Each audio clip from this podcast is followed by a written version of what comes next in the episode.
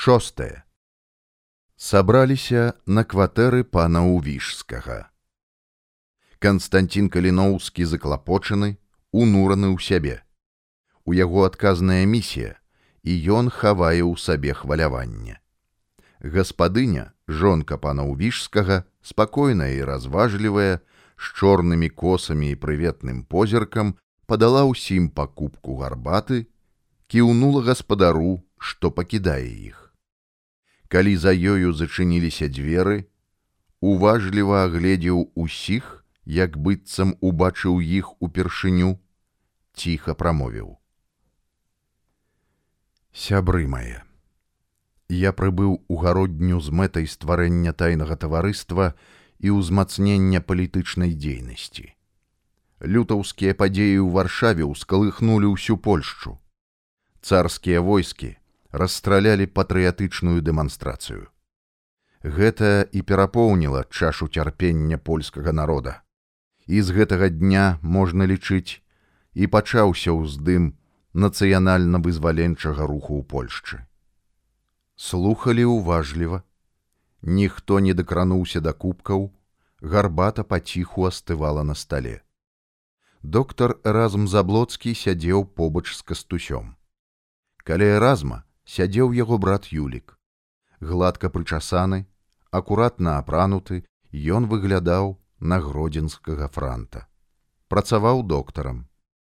Інспектар егерскай школы валерыў рублеўскі, што месціўся леваруч ад заблоцкага, падпёр бараду кулаком, глядзеў на каліноўскага. Каля групкі прытуліўся афіцэр Ян Ванькович. Побач з ім землямеры Фелікс ражанскі і ільдэфонс мілевич каля зашторанага акна ў чорных сутанах ксяндзы гінтаўцгародні ян зарыскі і ігнацій казлоўскі.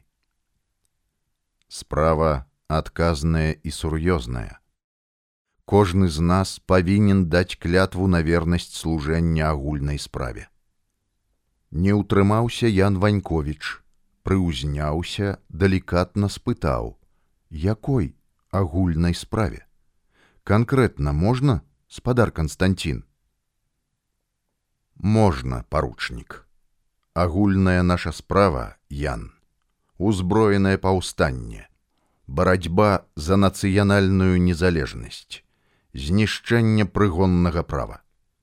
А яшчэ канкрэтней, пра гэта мы пагаворым пасля, калі збярэмся спецыяльна для распрацоўкі тактыкі і стратэгіі працы нашага таварыства. Мы павінны весці тлумачальную працу сярод сялянаў. З гэтай мэтай пачалі пасылаць на пасады вясковых настаўнікаў і валасных пісараў навучэнскую моладзь. І не толькі моладзь, а і іншых патрыётаў. Канспіратыўныя арганізацыі створаныя паўсюдна на віленшчыне, ковеншчыне, у мінскай губерні. У нашай губерні арганізацыя будзе складацца з дробных чыноўнікаў, прадстаўнікоў улады, служачых, найбольш чыгуначнікаў і памешчыкаў. Эразм успомніў, як пазнаёміўся з валерыем у рублеўскім.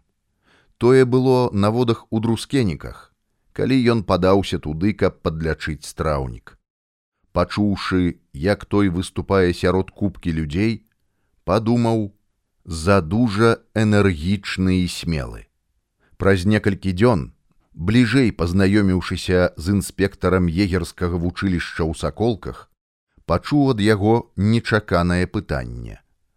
А якім вы, як служачы будаўнічай і дарожнай камісіі, бачыце заўтрашні дзень? Замест адказу разм паціснуў плячыма. Валеры засмяяўся, гаварыць на гэтую тэму не жадаеце. Жадаю. Тады прыязджайце да мяне ў саколку. Дарагім госцем будзеце.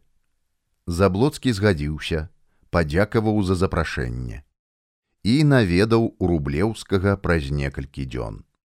Здзівіўся, колькі людзей было ў інспектара.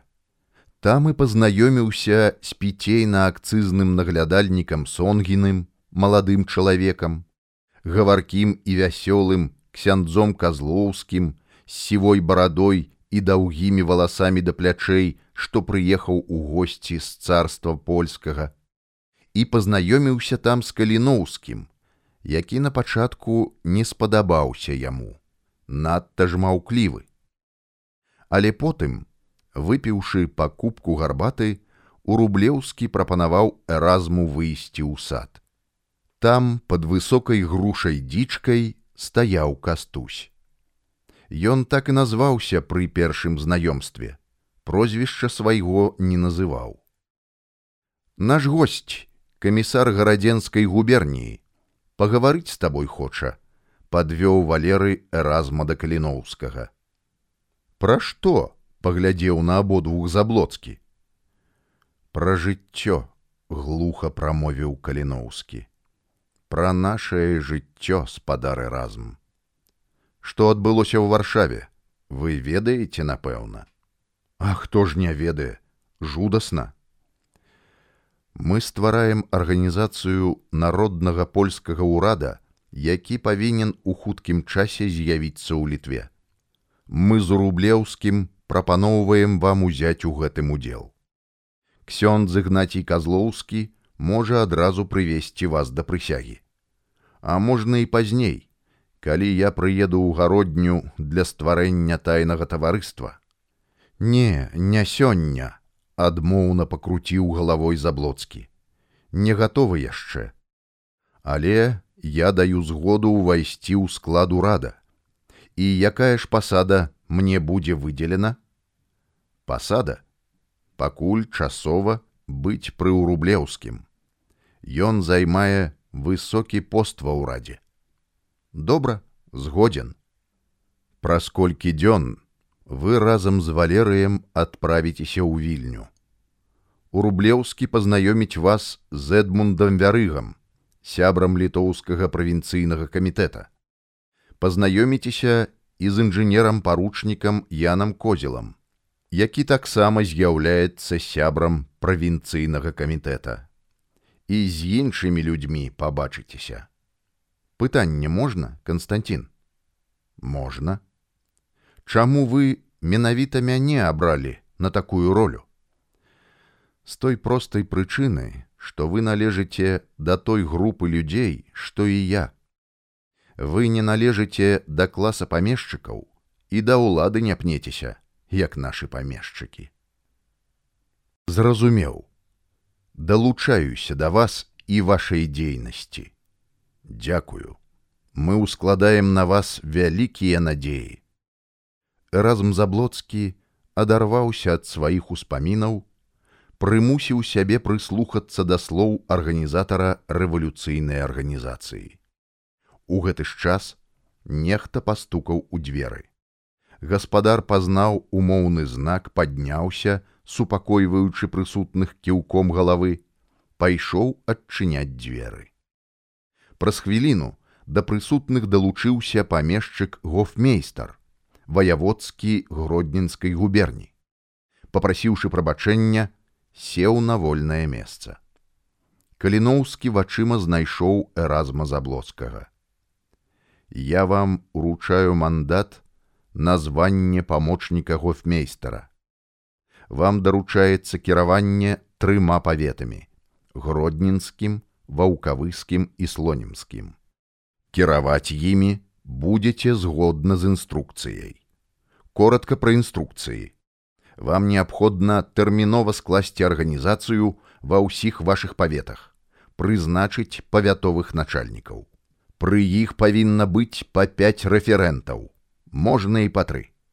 Рэферэнты, вайсковец, скарбнік, прадстаўнік грамады апякунства і камунікацый вам неабходна будзе кожны тыдзень атрымліваць рапарты ад павятовых і ўжо сваё заключэнне дасылаць ваяводскаму камісару і апошняе развеивать сумневы павятовых, калі яны з'явяцца ў іх пры выкананні сваіх абавязкаў. Зразумелыя агульныя задачы спадар заблоцкі. Зразумелая.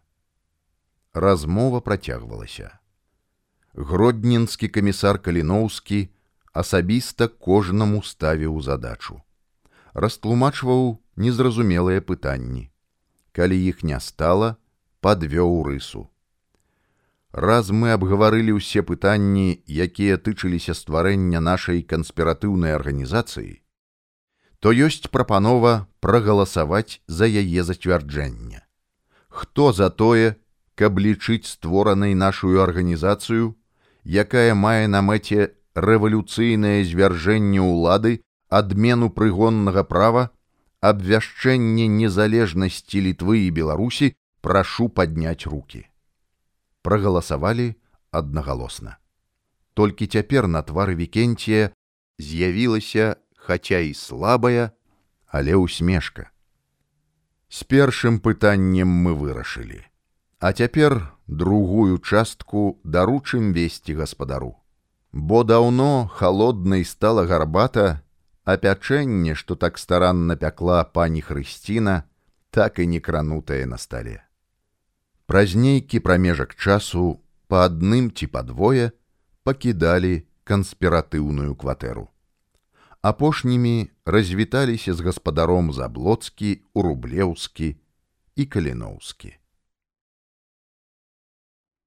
Герцан яшчэ з малых гадоў любіў глядзець на начное у зорках неба. Таму нездарма тэмай сваёй кандыдацкай дысертацыі абраў аналітычныя выкладкі сонечнай сістэмы каперніка. Куратарам яго дысертацыі згадзіўся быць прафесор перавозчыкаў. Герцан быў упэўнены ў тым, што за сваю працу атрымае залаты медаль. Але жыццё распарадзілася так, што яму дастаўся другі срэбны медаль.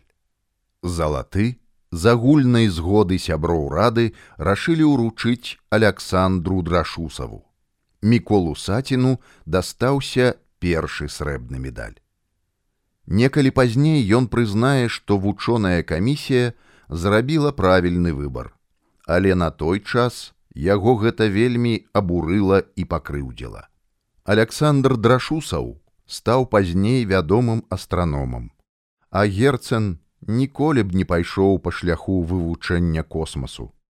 Ён стаў прапагандаваць ідэалы гуманізму і рэвалюцыйных пераўтварэнняў. Выпускны экзамен у маскоўскім універсітэце адбыўся 22 чэрвеня 1833 года. Але Александр Іванович на ўручэнне ўзнагарод не прыйшоў. Ён не прывык быць другім толькі першым. Праз 11 месяцаў яго арыштавалі. За свае погляды, публіцыстычныя артыкулы, у якіх царскі ўрад убачыў крамолу. Герцана адправілі за краты у круціцкі манастыр, які заснаваў блізу 1272 года, будучы першы князь, сын вядомага Александра Неўскага Данііл па прадпісанні маскоўскага генерал-губернатара галіцына была створана следчая камісія у якую ўвайшлі маскоўскі оберпаліцмайстар цынскі жандармскі палкоўнік галіцын жандарскі палкоўнік шубінскі обер аўдітар аранскі старшы паліцмайстар мікулін так герцн пачаў асвойваць і другую вучобу універсітэт зняволення. За 9 месяцаў, што знаходзіўся за кратамі, прайшоў выдатную школу. На сабе спазнаў ласку і мелату царскіх слугаў. А праз некалькі гадоў герцан пакіне рассію і перабярэцца за мяжу. Запрацуе на ўсю моц яго вольная друкарня. Потым заззяе палярная зорка, водгук кандыдацкай, а следам загучыць і колакал. Раней у яго было шмат сяброў і аднадумцаў. Але калі зазвінеў з-за мяжы звон і гул яго даляцеў да самых аддаленых куточкаў рассіі, то аднадумцы, якія паспелі ў хуткім часе стаць лібераламі памяркоўнай плыні, рэзка абвінавацяць герцана ў тым, што ён не ведае рассіі, а таму і расійскага народа, не ведае, чым жыве той народ. Дадавалі ў сваіх лістах ужо абразлівае. Ды дзе яму, багатаму барыну, ведаць мужика, дзе і пры якіх абставінах ён сутыкаўся з ім. Сутыкаўся. У той жа вятцы. Александр Иванович распрацаваў падрабязную дакладную пра збор статыстычных звестак па губернях. І па меры таго, як паступалі тыя звесткі з месцаў і паветаў, у яго склалася праўдзівае ўяўленне аб становішчы сялянаў нацыянальных меншасцяў, сялянскіх гаспадарках і паселішчах.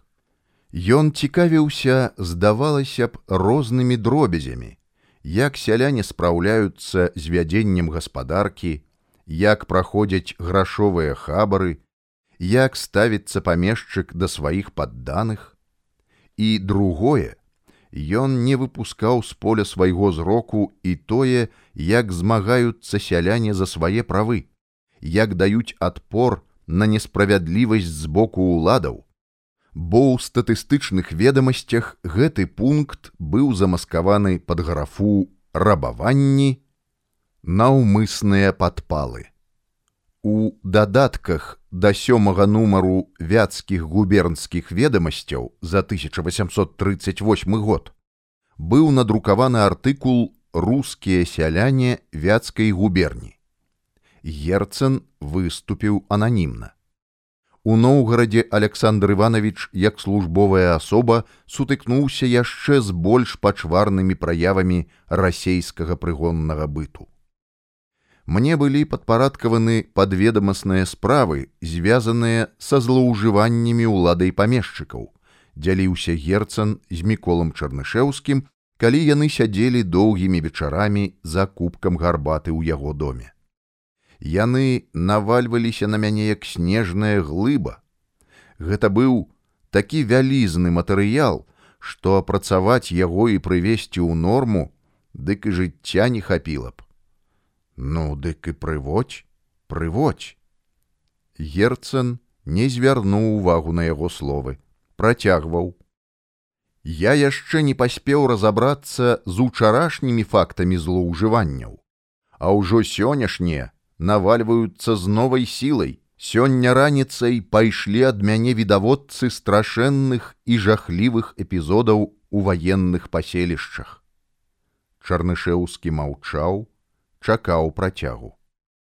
Разумееш, шаноўны дружа, яшчэ пры Александру першым у гэтай губерні пасялілася 12 грэнадзёрскіх палкоў і дзве артылерыйскія брыгады ні ў якой іншай губерні рассіі не размяшчалася такога буйнога пасялення ваенных.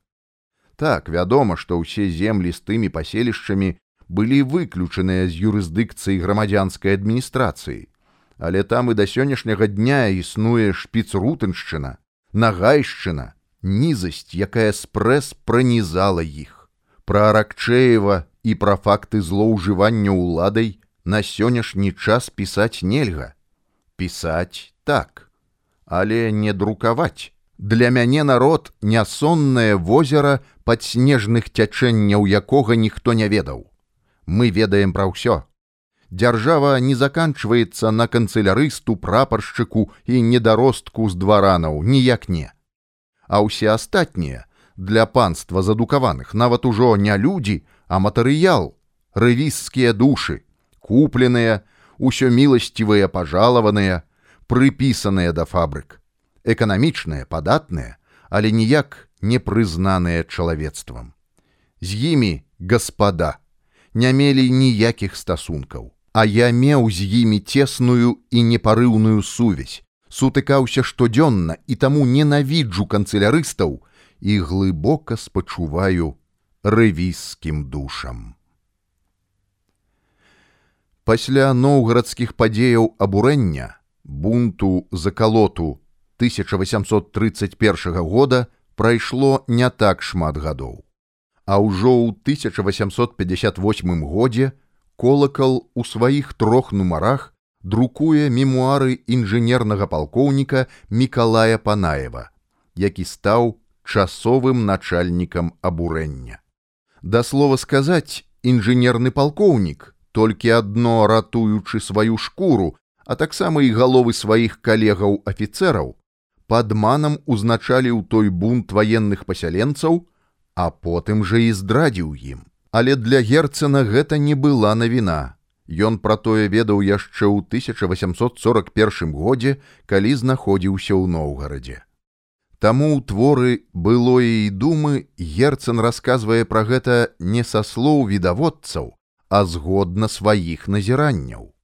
Ён прыводзіць некалькі эпізодаў ці фактаў, як памешчыкі злоўжывалі сваёй уладай і прыходзілася колькі разоў самому аўтару ратаваць дваровых ад дамашніх пераследаў. Ён мог сведчыць на любым судзе пра тыя жахі, якія адбываліся за зачыненымі дзвярыма паліцэйскіх засценкаў у пярэдніх на канюшнях. І ў думах ён як бы выступае прарокам будучыні, сцвярджаючы у пярэдніх і ў дзявочых, у вёсках і паліцэйскіх акалотках схаваныя цэлыя мартыралогі страшэнных зладзействаў успаміны пра іх блукаюць у душах і пакаленнямі выспяваюць у крывавую бязлітасную помсту, якую папярэдзіць лёгка, а супыніць наўрад ці магчыма будзе. 22 чэрвеня 1853 года станкі вольнай рускай друкарні запрацавалі на поўную моц. Тады ж і была надрукаваная першая пракламацыя Юр'еў дзень, Юр'еў дзень рускаму дваранству. Вольная друкарня адразу ж падняла на пастамент часу самае галоўнае, самае балючае і занепакоенае пытанне рассіі. Пытанне аб прыгонным праве. І ў той жа дзень быў надрукаваны і другі лісток, не меней актуальны, і называўся ён: Палякі даруюць нам. Герцен ухваляў саюз з палякамі супраць царызму. А яшчэ раней убачыў святло лісток, які толькі адным сваім загалоўкам стаў пасля ў рускай літаратуры і публіцыстыцы намінальным. Называўся ён хрышчоная ўласнасць, невялікі адрэзак аб прыгонным стане. Не раз ішлі размовы пра стварэнне тайнага таварыства. Але далей за размовы прапанова не рухалася. І толькі ў 1857 годзе ідэя выспела і знайшла сваё ўвасабленне ў выглядзе запіскі пра тайнае таварыства. Таварыства, якое б выконвала ролю кіруючага органа хваляванняў і бунтаў, якія павінны перарасці ў закалот паўстанне рэвалюцыю. Увесь тэкст знаходзіўся пакуль што ў запісной кніжцы агарова. Але тэкст меў праўкі і іх налічвалася 17 зарабіў іх герцан. Запіска па зразумелых прычынах не была надрукаваная.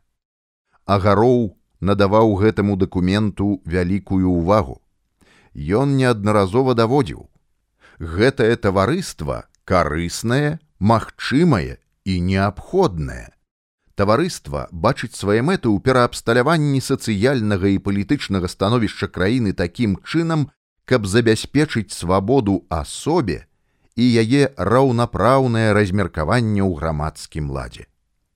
Старая, даўно зношаная ідэя прымірэння свабоды асобы з калектывам пярэчылі, але згаджаліся апаненты. Але ці можа быць асоба ўнутрана свабоднаю? Таму мы і пачынаем запіскі з пытання, што ж робіць асобу ўнутрана свабоднаю. Зразумеласць думкі і адэкватнасць учынку з думкаю. Што робіць асобу незалежнаю, тое, што не перашкаджае навакольнаму асяроддзю з розумам думаць і дзейнічаць. Таму такая выснова, карысная ў грамадскім сэнсе, гэта веды, дакладней, навука і адхіленне перашкодаў, якія замінаюць чалавеку зразумела думаць і дзейнічаць. Гаворачы іншымі словамі, перш за ўсё патрэбна агітацыя, навуковая прапаганда, з тым, каб адукаваны чалавек мог свядома змагацца супраць усяго таго, што аджыло, што састарэла. Толькі тады магчыма дасягнуць грамадскага пераўтварэння. Працягваючы сваю думку далей, агароў сцвярджае. Цэнтр тайнага таварыства павінен быць шчырым, як бы маючы адзін твар, а яго разуменне рэчаў павінна быць энцыклапедычным, гэта галоўнае. Калі размова ідзе пра дадатную навуку і практычныя грамадзянскія рэформы. Сябры цэнтра павінны адлюстроўваць тры галіны ведаў. Прыродазнаўства ад матэматыкі да медыцыны і тэхнікі, эканамічную навуку і юрыспрудэнцыю. Гэта патрэбна як для таго, каб ведаць, што мы хочам папулізаваць, гэтак жа і для таго, каб ведаць супраць чаго мы станем змагацца і якія сродкі для барацьбы мы зможам ужыць, маючы заўсёды за сябе дадатную аснову ў дзяржаўным заканадаўстве. Няма пярэчанняў. Таму дэвізам цэнтра па-ранейшаму без сумневу застаецца сацыяльная рэформа з гэтай рэформы вынікаюць і іншыя задачы. Цэнтру грамадства неабходна мець усе рэформы і магчымасці. З рэформамі неабходна звязваць папулярызацыю навукі. Таму цэнтр павінен мець тэорыю навукі, дакладней свой погляд на прадметы і засвоіць метад, як і каму зрабіць навуку даступнай часткай і ў цэлым. Натуральна, што ў гэтага таварыства свой цэнтральны орган, а ім, без сумневу, павінен стаць колакал.